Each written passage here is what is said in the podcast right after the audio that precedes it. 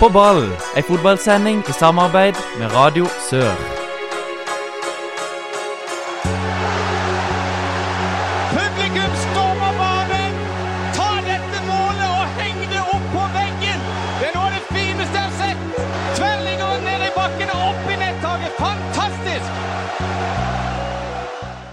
Hjertelig velkommen til en ny episode med På ball. Mitt navn er Anders Lastad, og som dere sikkert hører da, så er det ikke Håkon Kile som sitter i stolen i dag. Han er på øh, Oggevann. Oggevann, på kanotur med UiA, er ikke det? Ja, var ute og fiska i dag, så jeg på Snapchat. Så jeg tipper han storkoser seg. Han er tilbake om to uker.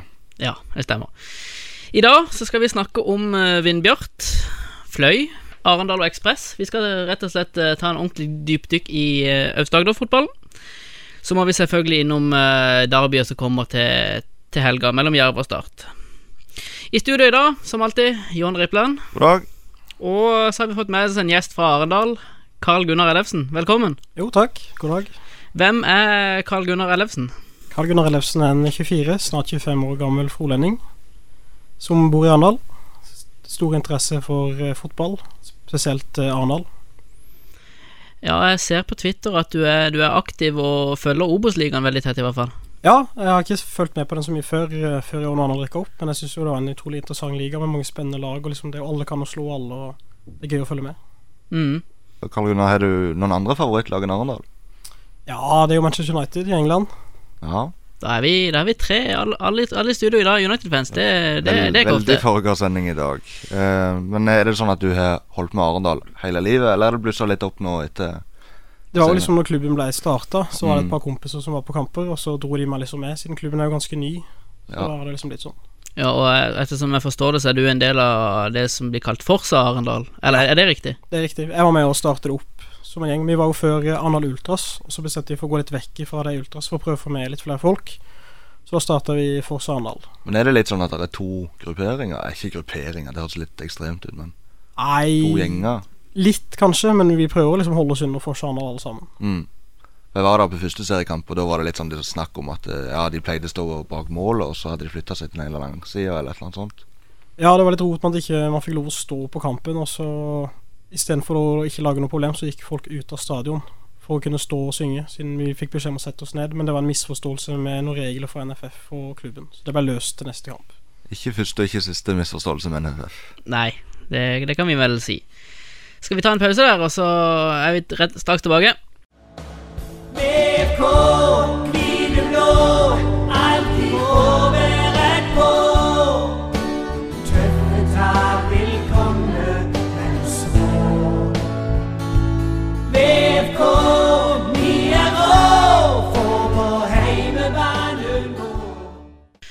Vi må bevege oss litt nedover i eh, divisjonene, og vi tar en tur til Vennesla.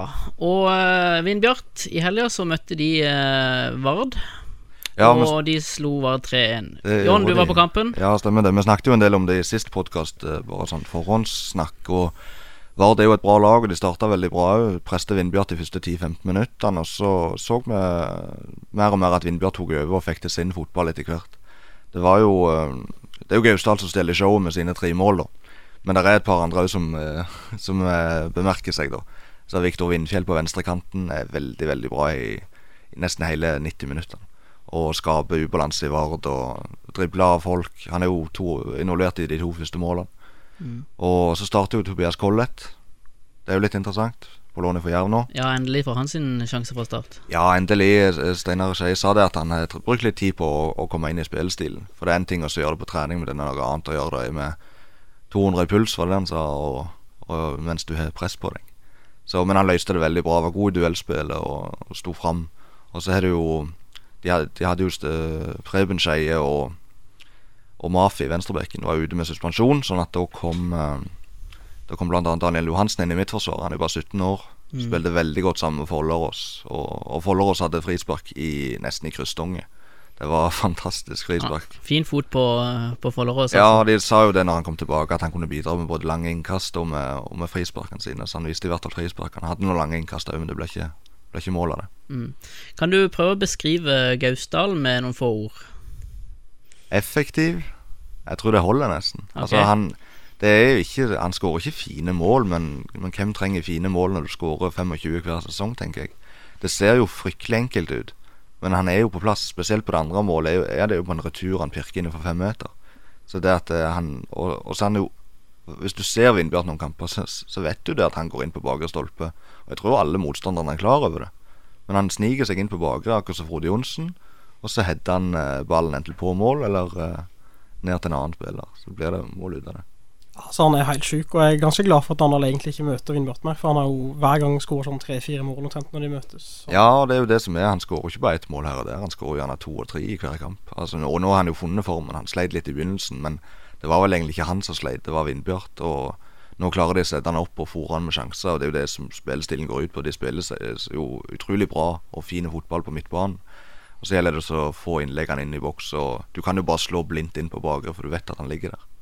Gausdal er altså en spiller som er veldig vond å møte, spesielt i andredivisjon, da. Ja, han er jo det. Du ser jo han, han går jo alltid opp tidligere enn motstanderen. Han, han henger lenge i luft. Eh, Det er jo litt sånn Steffen Iversen-aktig, eh, uten sammenligning kanskje, men eh, også er han veldig sånn Hvis han ikke vinner duellen, så skal du garantere at han går i bakken Mm. og får et frispark.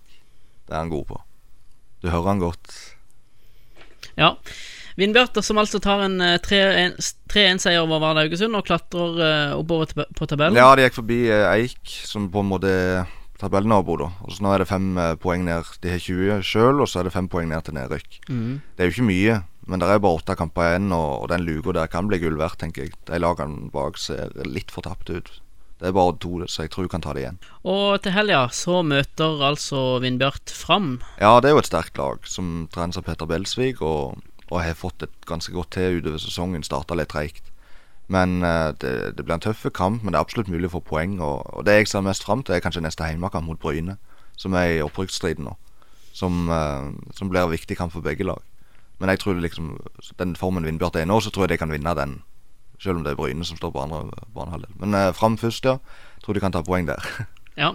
Og du, tror du, Karl Gunnar, tar eh, Vindbjart poeng i Larvik? Ja, jeg tror det. Altså, det er imponerende det som Steinar Skeie og co. har fått til å snu trenden. og liksom ja, Det er jo helt annet Vindbjart-lag nå enn det var i starten av sesongen, så de kan fort ta poeng der. Ja, så er det jo sånn De tar kanskje mest poeng på hjemmebane, men jeg føler det nesten er litt myte òg, iallfall denne sesongen. For at de, spiller, de spiller kanskje enda bedre på Mosedmoen enn de gjør borte, men, men de har ca. like mye poeng eh, begge plasser. Vi må la det få være siste ord om Vindbjart for denne gang. Vi tar en kort pause og er straks tilbake. Og heia, heia, ei gang til, og heia fløy, heia fløy, og heia fløy, heia fløy, og heia fløy, og heia, heia fløy. Vi må snakke litt om Fløy. Fløy cruiser videre i eh, tredjedivisjon og ser, har stø kurs mot opprykk. Eh, etter en 4-0-seier over Sandnes Ulf 2 nå i helga, så har de nå eh, Ja, mange poeng har de, Jan? Elleve poeng leder de med. Ja. Ned til Pors, som vi sa før sesongen kom til å bli den sterkeste rivalen, og det har jo vist seg etter hvert, etter en tøff start. Fikk jo litt kritikk når Pors starta litt dårlig, at eh, de er jo ikke i toppen. Men de er der nå, i hvert fall. Men det er, det er et godt stykke bak Fløy, og Fløy kommer til å ta dette her greit. Spørsmålet er egentlig bare når den opprykksvesten på Flekkerøy kommer til å holdes. Eh, de slår Sandnes Ulf, som stiller et ganske sterkt lag, eh, sånn sett, men, de, men Sandnes Ulf 2 er jo i bånn. Så for Fløy er det jo en kamp de skal vinne, men 4-0. Eh, Dardan skårer. Jon Olav Norheim med to. Nordheim med to, ja. Så det, jeg er litt spent på Nordheim neste år. Om han er med Fløy opp i andredivisjon, eller om han tar enda et steg. Han har nok mest sannsynligvis ambisjoner om å spille i Obos-ligaen, tror jeg. Han er nok det, men eh, samtidig så, så visste han hva han gjorde når han kom hjem til Fløy. At han skulle spille fotball der og, og være med å ta dem opp. Og hvordan, eh, så får vi se hvor de personlige ambisjonene går. Fløy møter altså Halsen til helga. Og Jon, hva tenker du om den kampen? Jeg vet ikke så mye om laget Halsen, men jeg vet at de har en toppskårer der som heter Tobias Hem. Han har spilt halvannen sesong i, i Halsen, tror jeg. Han har 32 mål på 25 kamper. Så han er helt der oppe sammen med Dardan, som er 15 mål i år, og, og Tobias Lauritzen, som spiller i Pors, tidligere Odd-spiller, som har 19. Så det, jeg tror han Tobias Hem har 14 eller 15 sjøl. Så det er liksom de to som, tre som kniver om toppskårertittelen. Blir det borteseier? Ja, det er jo nærliggende å tro det. Fløy eh, Det er jo ikke mange kamper de har avgitt poeng i år, så det var vel borte på Jørpeland mot Ståle. Og ellers vet jeg ikke om de får seg poeng, nesten. Det, det går raka veien, dette her. I samme divisjon så finner vi Ekspress, og det er et lag du kanskje kjenner litt til, Karl Karl Gunnar? Ja, jeg kjenner litt til dem. Det er jo Fevik Grimstad. Så det er jo mange lokale spillere som har spilt i Arendal, som spiller på, på det laget nå. De eh, ligger ganske fortapt i eh, divisjonen med sine ti poeng, og har eh, hele elleve poeng opp til sikker plass. Er det for seint for Ekspress altså, å snu dette her?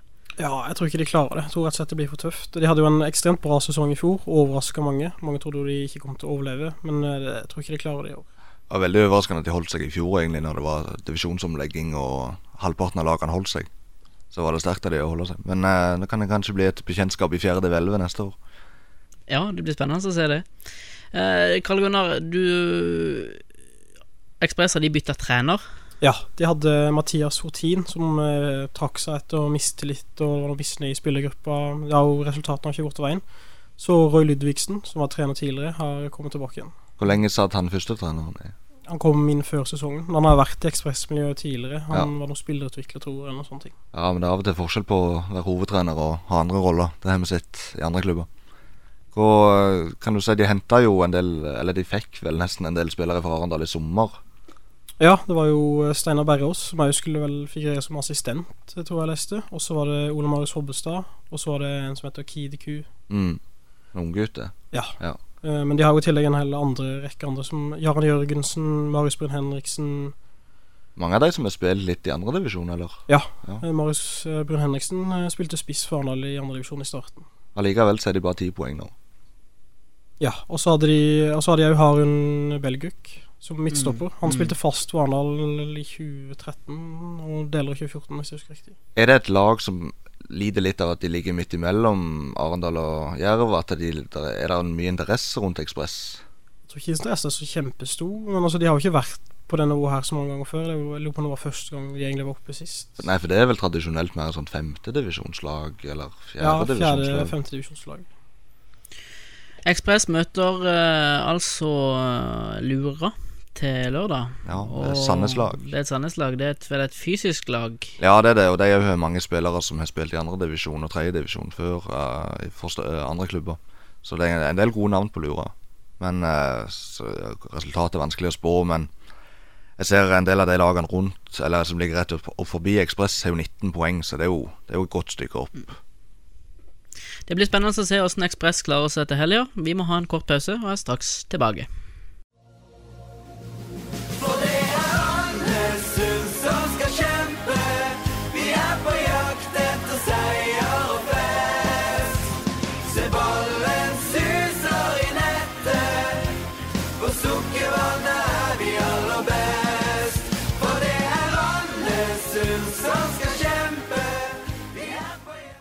Vi beveger oss ned enda en divisjon, og kommer til favorittdivisjonen eh, vår, Jon. Fjerde div 11. Eh, Karl Gunnar, ser du mye fjerde div?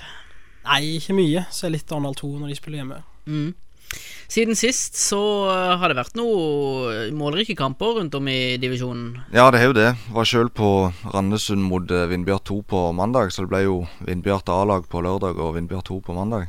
Så uh, fikk sett litt der. Der spilte jo Preben Skeie, og der spilte Jon Hodnemyr på høyrebekken. Så spilte Enoksen. Han har jo vært fast invitar på toerlaget nesten i, fra sommeren og ut. Og så var det òg en ny spiller, Sebastian Fredriksen. Han er kommet fra Pors. Uh, gjorde en veldig god figur på toerlaget. Er det lov å spørre hvem var som sto i mål for Vindbjart? Det var Halvor Homme. Det var Halvor Homme. Ja, så han viste god, uh, god ro og veldig bra med beina. Men det var selve kampen, da. Det var jo enveiskjøring nesten fra start til mål. Jeg skal innrømme det at det gikk etter 70 minutter. Det var litt småkaldt, og det var litt seint. Så stillingen var vel 3 eller 4-0 da. Så ble det jo 5-1 til slutt. Hadde med deg Stian Bø på kampen. Eh, hadde, om han var med Han, han var på kampen, Stian Bø. Så fikk vi truffet han igjen. Så kunne han fortelle litt om toerlaget. Det var litt greit, for det jeg må jo innrømme det er en del spillere jeg ikke kjenner til på Vindbjørns toerlag. Så spilte jo Iman Mafia, og du ser at det er en spiller som holder høyere nivå enn fjerde. Han har jo vært bra på venstrebekken i, på A-laget i år. Så det var egentlig veldig imponerende av toerlaget, men toerlaget til Vindbjart. Men savna kanskje litt av det der eh, Randesund, eh, det duellspillet og sånt, og det som imponerte så i cupkampen mot Start tidligere i vår, da. Var ikke så mye å kjenne igjen der. Jeg har falt litt sammen, Randesund, eller? Ja, eller falt sammen, jeg vet ikke helt. Eh, De ligger trygt plassert midt på tabellen, og Det er et ganske bra lag, men de har variert litt i, i prestasjoner. De mista jo han Hopovak, Hopovac, som gikk til Vigør, annet. Det er jo en god spiller som de savner. Ellers så har eh, Don spilt mot Hegebostad, og de eh, vant 5-1 borte. Ja. Eh, sterkt. Absolutt. Det er en vanskelig plass å komme til, har jeg forstått. Jeg har aldri vært der sjøl, men jeg vet mange som snakker litt om eh, den eh, banen der og den turen til, til Hegebostad som er ganske lang, eller litt sånn kronglete. Så det er jo bare å reise og ta tre poeng der, så er du fornøyd. Mm. Eh, Det ble jo lagt ut et mål på Twitter, annet Lars Kristian Thorsen, med en nydelig heading. Med nakkeprolaps, så det er et fantastisk fint mål. Så ser vi jo det at Vindbjart leder jo med 39 poeng.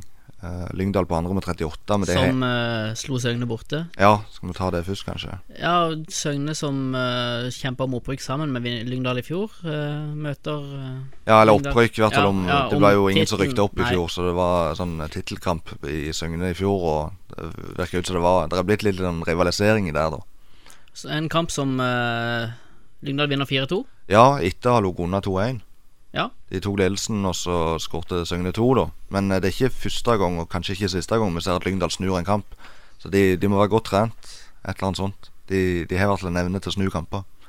Så de har jo 38 poeng og ligger ett poeng bak eh, Vindbjart nå, men de har en kamp mindre spilt. Men så har du samtidig Vigør på 33 og Don på 32, så og det er en del av de lagene som skal møte hverandre utover høsten, så det, det kan bli ganske spennende og tett der oppe.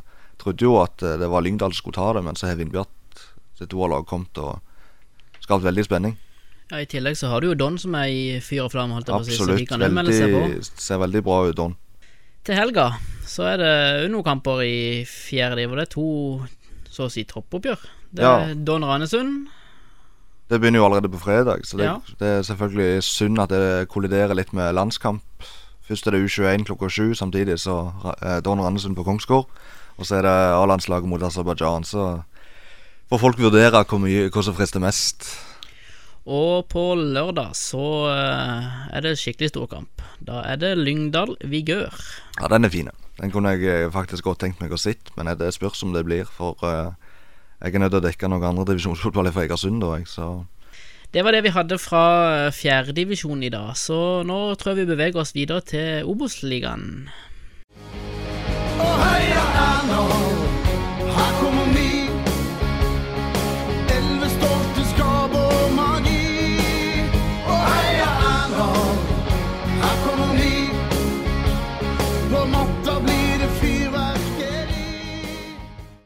Siden vi har med oss en gjest fra Arendal i dag, så eh, blir det naturlig også å legge eh, litt fokus på Arendal. Og Karl Gunnar, sesongen har jo ikke gått sånn som forventa, har den det?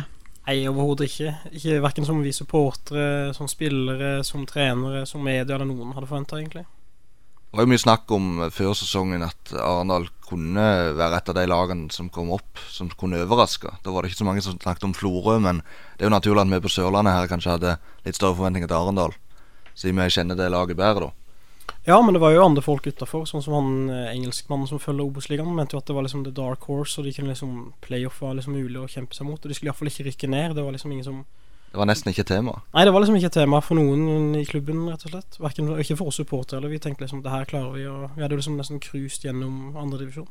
Men var det mest fordi at det gikk så glatt i andredivisjon at folk trodde det kom til å gå så bra? Det er jo en del spillere uten førstedivisjonserfaring. Ja, det er jo mange som ikke har spilt på det nivået før, så det kan nok være litt derfor. Men så var det, det er jo mye kvalitet i spillerne, men de har kanskje ikke fått det helt ut i år. Nei, og kanskje balansen i laget, et eller annet sånt. Eh, Jeg tenkte jo at Knut Hørum er jo en ringrev. Han har vært med lenge. Dette burde gå bra. Men så gikk det ikke så. Ja, Var det riktig å så kvitte seg med, med Tørum?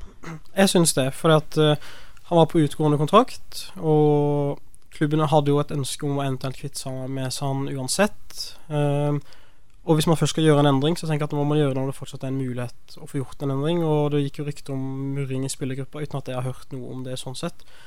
Men eh, vi må jo vi har jo takka Knut for det han har gjort etter han fikk fyken. For uten han så hadde vi ikke vært der vi er. Men man måtte gjøre en endring når ting og resultater ikke gikk eh, veien. Han var vel med og profesjonaliserte ting litt i Arendal. Og Ja, det kan la, trygt la et grunnlag. Ja, absolutt. Og jeg har det som en historie vi kan ta eh, tilbake når vi var nyopprykka i første divisjon. Kjør på. Eh, og da spilte vi borte mot Egersund. Arendal lå eh, helt i bunnen omtrent. Eh, og vi kommer til kamp. Vi var fire stykk som tok bilen bort. Fire, fem, seks timer bort. Kommer til stadion, spillerne varmer opp. Mot oss kommer eh, Peter Rankovic med en 500-lapp. Spør kan dere kjøpe øl. Det var liksom fokus under oppvarminga, å få tak i øl før ølsalget stenger, så de kunne drikke etter kamp. Og det sier litt om hvor, hvor Arendal var, og hvor Arendal er nå. Og dette var ikke så lenge før eh, det ble nye giv og det ble opprykk. Nei, det er ikke det. Det, er jo bare noe, det var jo 2013 der. Det var jo da vi var nyopprykka, og Torstein Oland var trener. Så fikk han fyken sesongen etter. Så Han klarte jo derimot å snu det. Og så kom Knut Tørum inn og har gjort en kjempejobb eh, med klubben. Det er en stor omveltning å, å legge om hvis det er en sånn kultur at eh, å kjøpe øl etter en bortekamp er viktigere eh, enn Eller kanskje førsteprioritet. Så det er en stor omveltning. Det skal mye til. Så han skal ha for det, Tørum. Men eh, jeg har jo forstått at det var litt gnisninger sånn i Ja, det skal ha vært det, og det er jo en av de tingene som var med Kai Risholt blant annet, som var litt gnisninger. Han forsvant liksom plutselig bare ut av, av spillergruppa i fjor. Så ja, det har vært litt sånn, men uh, Og jeg er helt enig. Uh, hvis du skal gjøre noe, så bør du gjøre det i god tid. Uh, andre som kom inn, jeg tenkte det var rett tidspunkt sjøl. Problemet var jo kanskje det at det første det kampprogrammet der i starten, det var beintøft. ja, det er jo kjempeuheldig kampprogram å komme inn liksom når du møter Bodø-Glimt, Start og Sandnes Ulf som de tre første kampene. Det er liksom det er jo laget Arendal ikke skal slå når man tenker første sesongen at ok, det er ikke noe farlig om ikke vi tar poeng mot der. Det er jo alle kampene før som har vært problemet. Ja, og og så kan du få en sånn falsk trygghet med at ja, det var eh, hvis, det, hvis det er hederlige tap, da, så tenker du at det, da kommer det til å gå greit når vi møter dårligere lag. Men så møtte du vel eh, et par eh, litt mindre gode lag på heimebane. Og det er kanskje der på heimebane det svikta mest i år. Ja, det er jo der det har vært dårligst, og kjempemange kamper som ikke har gått etter planen. Og Myra har jo vært en forferdelig Forferdelig arena for Arendal, og det er vel kun én seier mot Florø hjemme 2-0. Nesten levde opp til navnet sitt. Den har jeg jo det. Nå blir det altså flytting til Norak om to uker, er det ikke det? Jo. Blir det oppsving? Ja. Jeg tror det blir oppsving når det er tilbake til Norak, Bjørnes, kall det hva du vil. Altså, men jeg tror det blir kjempeoppsving med, med ny stadion og tilbake til det gamle. Det som vi er vant til å Ja, for det er der Arendal hører hjemme. Ja, det er det, og jeg er kjempeglad for at eh, det ble der. Og er litt redd for at stadion skulle flyttes ut av byen. Jeg syns det er kjempeflott at man beholder stadion til byen, sånn at det innenfor gangavstand for veldig mange flere om lettere bussforbindelse enn det som det er ut på, ut på Myra. Ja. Veldig, veldig spent på hvordan det blir. egentlig Jeg har jo ikke vært og sett eh, hvordan det ser ut. Og jeg syns jo egentlig at Myra var ganske fint, at de hadde ordna det bra med en del provisoriske tribuner og sånt. Så det så ganske bra ut der. Men uh, veldig spent på hvordan den nye stadion ser ut, egentlig. Ja, det har sett bra ut på bildene. De hadde jo noen prosjekter før. Var jo, målet var å bygge en mye større stadion enn det har blitt til, men så så de at det ble dyrt, og så har de nedgradert litt, men det ser fortsatt veldig bra ut. Jeg tenker litt eh, Etter Mathias Andersson ble ansatt, eh, hva er det liksom som Er det vært noen forandringer, og hva er eventuelt de største forandringene? Største forandringene har vel vært eh, når Kovac spilte, så har vi spilt en litt annen fotball. Litt tilbake til der vi var når eh, Peter Rankovic starta som spiss. Eh, men det har jo vært litt mer intensitet. Iallfall i de første kampene så løp jo spillerne som noen galninger, spesielt mot Start. En kamp eh, Arendal hadde fortjent mer enn en det de fikk. Men så holdt det gjerne bare i 20-30 minutter. Ja, det er jo, så det er jo et spørsmål Vi har aldri liksom fått høre at spillerne er kjempegodt trent, men det virker jo nesten ikke sånn. Nei, det brant opp mye krutt der i begynnelsen. Men eh, tenker du at eh, Ja, holder Arendal plassen? Åh, Det er så vanskelig. Det er liksom, jeg hadde veldig liten tro eh, etter et par dårlige hjemmekamper og skrev på Twitter at hvis Arendal spiller Obos, så går jeg til neste bortekamp. Og det står jeg fortsatt for. Altså Hvis de, hvis de skal klare det, så, så går jeg til første bortekamp. Men eh, det er liksom litt hva de andre lagene får til, om de vinner eller hva. Men eh, jeg tror ikke Akkurat nå så tror jeg ikke det går. Det jeg tenker, er jo at det naturlige målet må jo være en kvalik. Ja, Det det er er, jo langt- det eneste som er Langt opp til, til sikker plass. Det er vel ni poeng opp til trygge plass. Ni poeng det er til ja. Men så er det bare to poeng til kvalik. Og hvis du da mot slutten av sesongen klarer å ta en del poeng og klarer kvaliken, så tror jeg du du vil ta med deg det inn i kvaliken. Ja, og, men så spørs jo hva slags lag man møter, og hvem som og Hvis f.eks. HamKam ikke skulle klare å dra i land opprykket, selv om det ser ut som de klarer det, så ville jo et lag i Kjevle møtt Ja, det hadde jo vært enormt uh, skre Ja, det hadde vært uflaks. Det var skrekken, det. Ja. Vi må ta en kort pause nå, og så er vi tilbake med Start Jerv etter pausen. Fotballklubben Jerv i våre hjerter. Fotballklubben Jerv fra Grimstad by. Vi må snakke litt om eh, det som nok er på de aller flestes lepper eh, i Obos-ligaen denne helga. Jerv Start. Hva tror du om den kampen, Jon? Det er litt vanskelig å spå utfallet, syns jeg. Start er jo klare favoritter, i og med at de ligger høyest på tabellen og har vært mye jevnere enn Jerv. Eh, men det er litt deilig for Jerv å få denne kampen nå midt i sesongen, der ting De ligger litt vager mellom to eh, om de skal henge med i toppen eller i bånn. Øvre eller nedre halvdel. Så det er litt deilig for Jerv å få den kampen nå, tenker jeg. Ja, Jerv som ikke er, har avskrekkende avstand opp til playoffen. Nei, det er bare fem poeng opp til playoff, opprykk. Men samtidig så er det ikke så langt ned heller. Ser du to poeng ned, så, så ligger det laget som er rett over nedrykksstreken. Og så er det ni poeng ned til playoff, nedrykk, da. Så det at eh, hvis du ser tabellen etter sesongen, så kan jo liksom Jerv Hvis de vinner to kamper eller taper to kamper, så kan det liksom bety fem-seks plasser i forskjell. Og da ser ikke folk på hvor mange poeng de har, da ser de gjerne på tabellplasseringen. Så, så selv om du er nærme det ene eller det andre, så, så kan det bli en god eller dårlig sesong, alt etter hvem som ser. Jerv er i hvert fall fornøyd med Arne Sandstø. Han har skrevet ny toårskontrakt. Ja, det er det. Det tror jeg er viktig. Han er en veldig bra trener. Det er det veldig mange som sier i, i og rundt Jerv, og de som følger med på Obos-ligaen. De begynte jo veldig dårlig i år, men de sto på sitt, og det var ikke snakk om Og selv om han var på utgående kontrakt, så, så var han trygg i sin posisjon. I hvert fall det som ble sagt utad. Jeg har ikke hørt noe annet, i hvert fall. Og det lønte seg med å stå på sitt. De har fått oppsvingen og, og ligger nå midt på tabellen. Men det, det varierer jo. Det er vanskelig å si hvor du har. Ja, de fikk jo, og klubben fikk jo hyllest fra Roger Risholt at de valgte å beholde Sandstø selv om resultatene ikke var der de skulle. Og klubben var helt klare på at de ønska ny kontrakt med han, så, og det er jo kjempesignering for de, altså Han er jo en fantastisk, eh, fantastisk fyr. Ja, og så tenker jeg at Det er ikke noe fasit på det der hvis du jobber i motgang i ti seriekamper. De, de vant jo ikke på de første ti. En kamp eller ingen, jeg husker ikke helt. Men eh, Og da er det liksom det at ja, skal du fortsette med det, så kan det gå dårlig, og så kan det gå bra. Nå gikk det bra, da, så da blir du hylla for det. Men hadde de fortsatt å tape fem kamper til, eller ikke vinne på fem kamper til, så hadde det jo sett dårlig ut. Men de har kommet veldig godt ut av det. For Start sin del så eh, har jo de hatt en god periode egentlig etter sommerferien, og selv om de gikk på en liten Ja, Det var et skjær i sjøen mot Romsdalen sist, tenker jeg. Mm. Eh, men de, det er klart at resultatene var gode. Eh, spillemessig syns jeg ikke det er godt nok nesten til å være nummer to eller være i nærheten av Bodø-Glimt.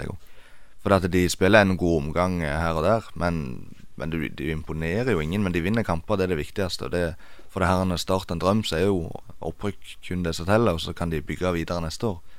Så det er jo en del spennende spillere. To av de debuterte sist, og nå kanskje Damien Love starter denne kampen.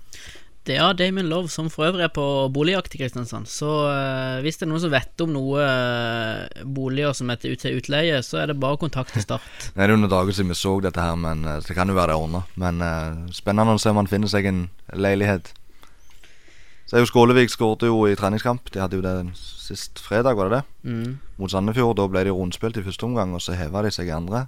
Hadde Skålevik. han hadde sikkert som et godt innhopp etter det jeg har hørt. Ja, det er det. Han er jo bare 18 år, og han må jo få kjenne litt på nivået og sånt. Så det skal bli spennende å se om han Om han starter mot Jerv, er usikker på sitt lokaloppgjør. Tipper Gummi kommer til å starte den, jeg. Ja, med skal, krigen. skal frese litt uten på midten der. Mm. Skal du se kampen, Karl? Jeg kommer nok til å se den på TV, det. Det er jo en kjempekamp, og jeg som er glad i Obos, må nødt til å få med meg den kampen. Så spilles jo den kampen klokka tre, så du får se Arendal etterpå. Ja, de spiller vel på mandag i tillegg, så Ja, de spiller på mandag, ja. Da får vi med enda flere Obos-kamper den dagen. i hvert fall. Ja, En veldig viktig kamp for Start, som uh, med seier kan uh, skaffe seg en fin luke på Sandnes Ulf. absolutt. Og så så jeg jo Ultras uh, hadde begynt å fyre opp litt her nå og hengte opp et uh, banner som vel var ifra kvalikkampen, der, ja, der det står at Grimstad, en bydel i Arendal Det er gøy, gøy når det blir liksom temperatur nå. Ja, men så får vi se om det blir, blir enveiskommunikasjon, eller om Jerv svarer på dette her. Det hadde jo òg gøy å få litt rammer rundt kampen. Jeg har ikke sett noe på hvor mange tilskuere de venter og sånt, men eh, det bør jo fylles godt opp. Dette er jo sesongens store kamp i Grimstad. Mm, I tillegg til Arendal-kampen, selvfølgelig. Og Rosenborg. Og Rosenborg, ja. Ja, eh, skal vi prøve å spå noe, eller syns dere vi har spådd nok? Nei, vi kan godt det. Eh, noen som har lyst til å begynne, heller? Jeg kan begynne. Jeg tror Start vinner eh, 2-1. Det var i grunnen eh, litt det samme jeg hadde tenkt å si, men uh, vi tipper tipper 2-0, da. Ja, jeg tror det blir uavgjort. Jeg tror Jerv eh, overrasker oss, og for meg seg det poeng hjemme. Med det så tar vi en pause, og vi er straks tilbake. Norges lag nummer én Rune Almenning Jarstein. Nummer tre Kjetil Wæler. Nummer fem lagkaptein Brede Hangeland. I ukens eh, drømmelag så er det ikke overraskende at det er gjesten vår Carl Gunnar som eh, skal legge fram sitt drømmelag. Og eh, vi er veldig spent på tema. Er det, eh, som Håkon sier, spillere vi har eh, Spillere du har spilt med, spilt mot, fine på håret? Hva får vi? Nei, jeg tenkte litt forskjellig. Først så tenkte jeg et sørlandslag i, i Obos, og så bare et sørlandslag. Og så var det favorittspillere i United som har blitt solgt. Men siden dette er en eh, lokal uh, fotballpodkast, og Arendal er laget mitt, så blir det et eh, best mulig Arendalslag. Spennende. Da er vi veldig spent, på eh, hvilken formasjon er det du har valgt. Nei, det må bli 4-3-3. Rett og slett. Følger trenden. Følger trenden. I mål, hvem er det vi får servert da? Der har vi danske, tidligere kaptein, Anders eh, Hego Larsen. Han er 81 kamper for Arendal mellom 2013 og 2015. Hvor er han nå?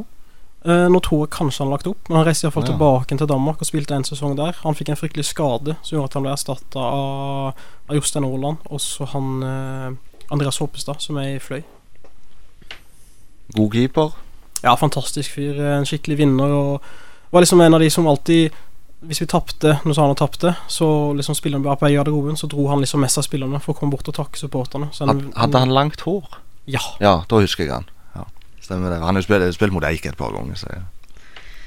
I eh, forsvarsfireren, da må vi vel begynne med høyrebekken. Hvem får vi der? En som har spilt i FC København, eh, Jamil Farrington, kommer jo fra Danmark. Spilt i Stavanger òg. Stemmer. Og Sandnes Ulf. Ja. Stavanger idrettsforening, da de var i første divisjon. De er i dag i femte. Ikke en spiller jeg kjenner til. Du kjenner kanskje til han, jo, siden du Ja, nevner han, Jan. bare via de klubbene han har spilt i. Jeg har aldri sett han live. eh, Men jeg husker, husker jeg kjente til navnet når han gikk til Arendal. For han var vel i Rogaland, og så gikk han til Danmark, og så kom han til Arendal. Ja, det stemmer. Og nå er han jo tilbake igjen i Danmark. Selv om han var innom Fram Larvik på veien til Danmark igjen. Liten nomade. Ja, det kan du trygt si. På stoppeplass, hvem får vi der? Der får vi makker, eller dansk, dansk igjen, eh, Fredrik Krabbe. Eh, Som òg kom sammen med Jamil til Arendal og var med på å egentlig redde klubben. Og var jo med på litt å profesjonalisere klubben når Torstein Oland var trener. Litt det vi snakka om når Peter kom med de 500-lappen. Det var liksom den første kampen til de to. Og de var liksom med på å heve nivået både på trening og, og sånn. Så uten de så tror jeg ikke Arendal hadde spilt uh, andredivisjon etter den sesongen. Og, Fredrik Krabbe. Ja. Herlig navn. Ja, Jeg har hørt om navnet bare via når han spilte i Arendal. Som stoppermakker, hvem eh, får vi der? Der får vi en klubbnomade til. Eh, Vunnet NM-gull. Noe som uh, vi tipper. Ja, nå så jeg akkurat Varki, så jeg, jeg vet Nei, ikke om det jeg Han spiller i Arendal ennå. Peter Rankovic. Ja, Peter Rankovic, selvfølgelig. Eh, fantastisk fyr. Eh, nå har han 89 kamper ute fra det funnet for Arendal. Så han forsvant jo en liten periode og så kom tilbake igjen. Og som midtstopper syns han har gjort sakene sine fantastisk bra.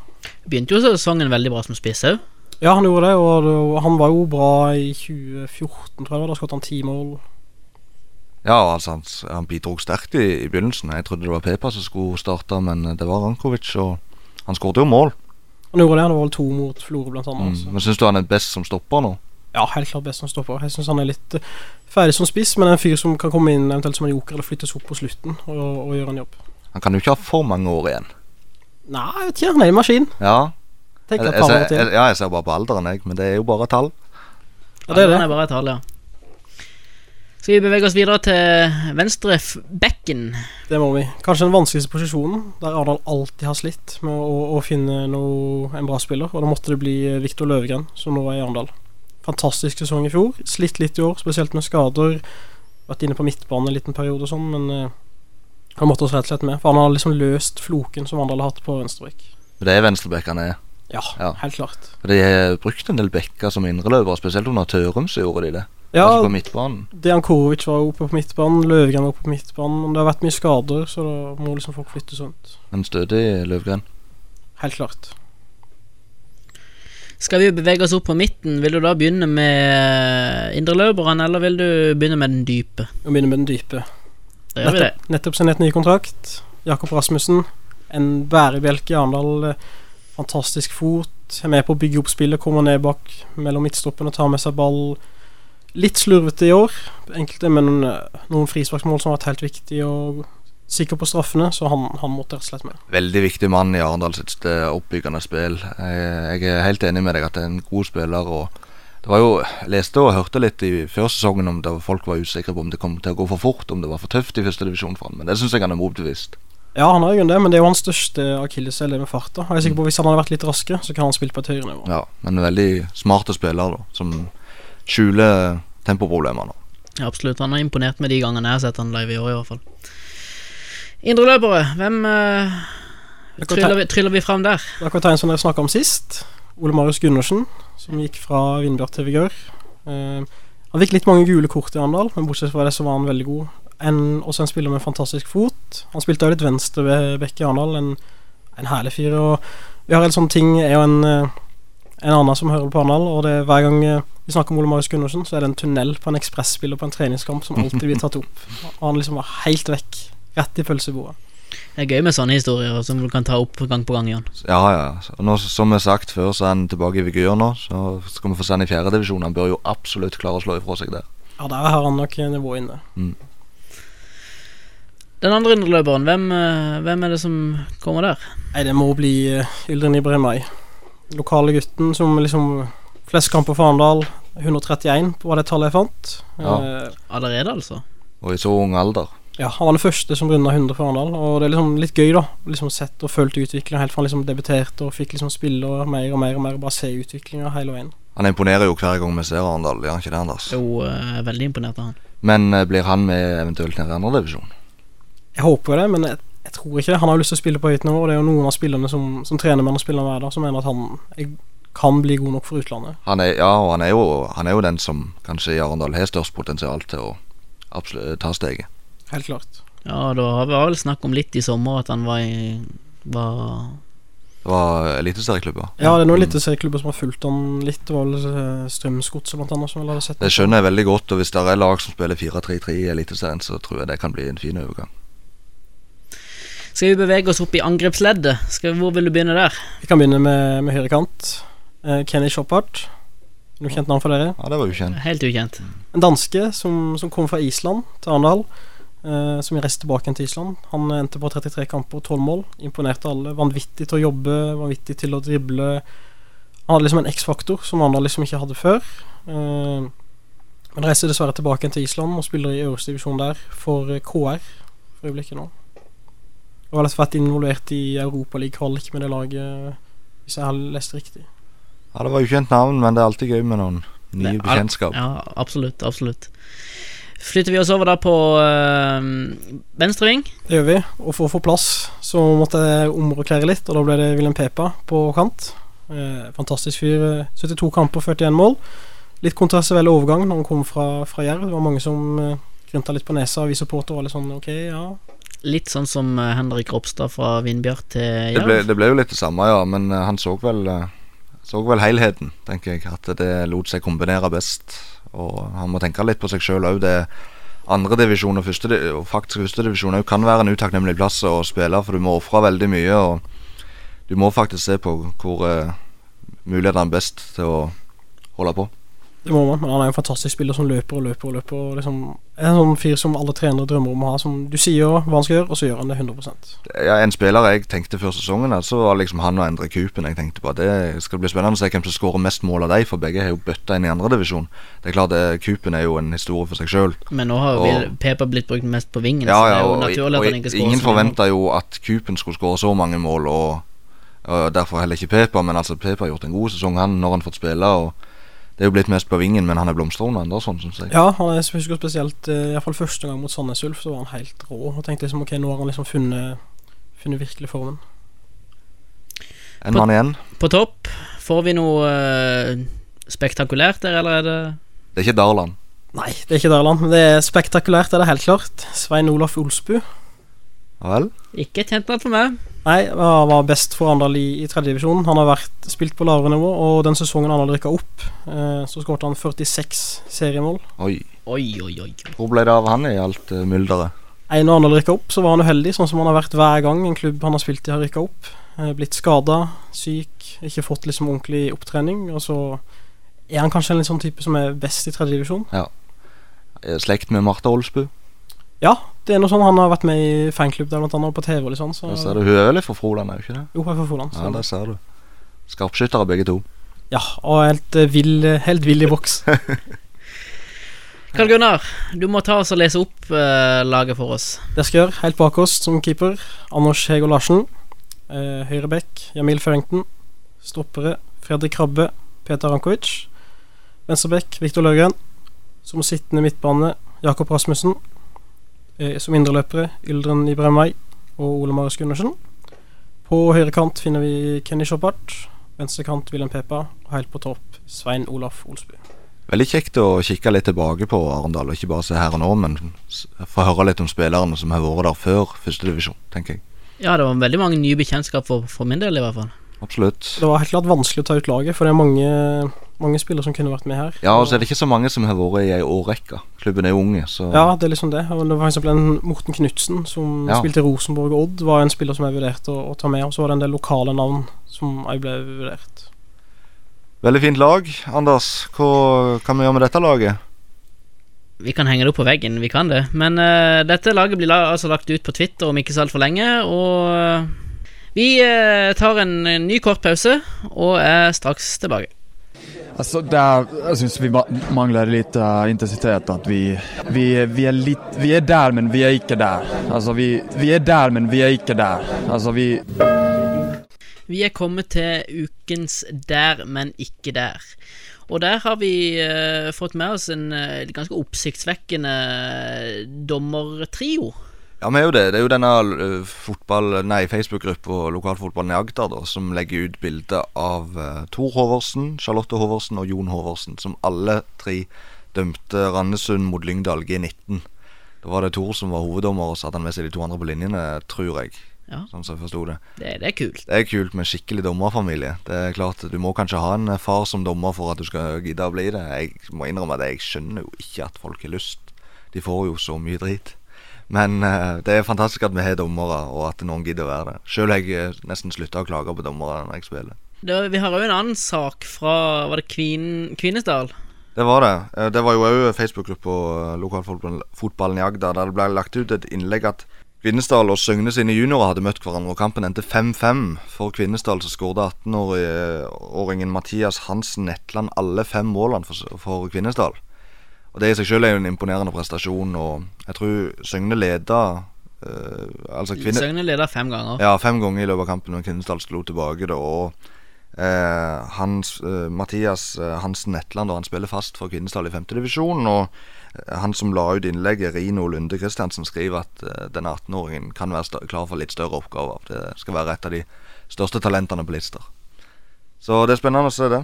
I tillegg så var det jo da Terje Haugland som dømte kampen, selvfølgelig. Nomaden. Eh, vi vil bare anbefale alle å eh, gå inn og så følge den eh, Facebook-gruppa Lokalfotballen Ja, i Agder. Altså. Det, det legges ut mye, mye gøy derfra, og du får liksom en oppdatering jevnlig på, på lokalfotballen i Agder. Det var det vi egentlig hadde for i dag, så eh, takk for at eh, du tok deg tid til å komme, Karl Gunnar. Jo, bare hyggelig.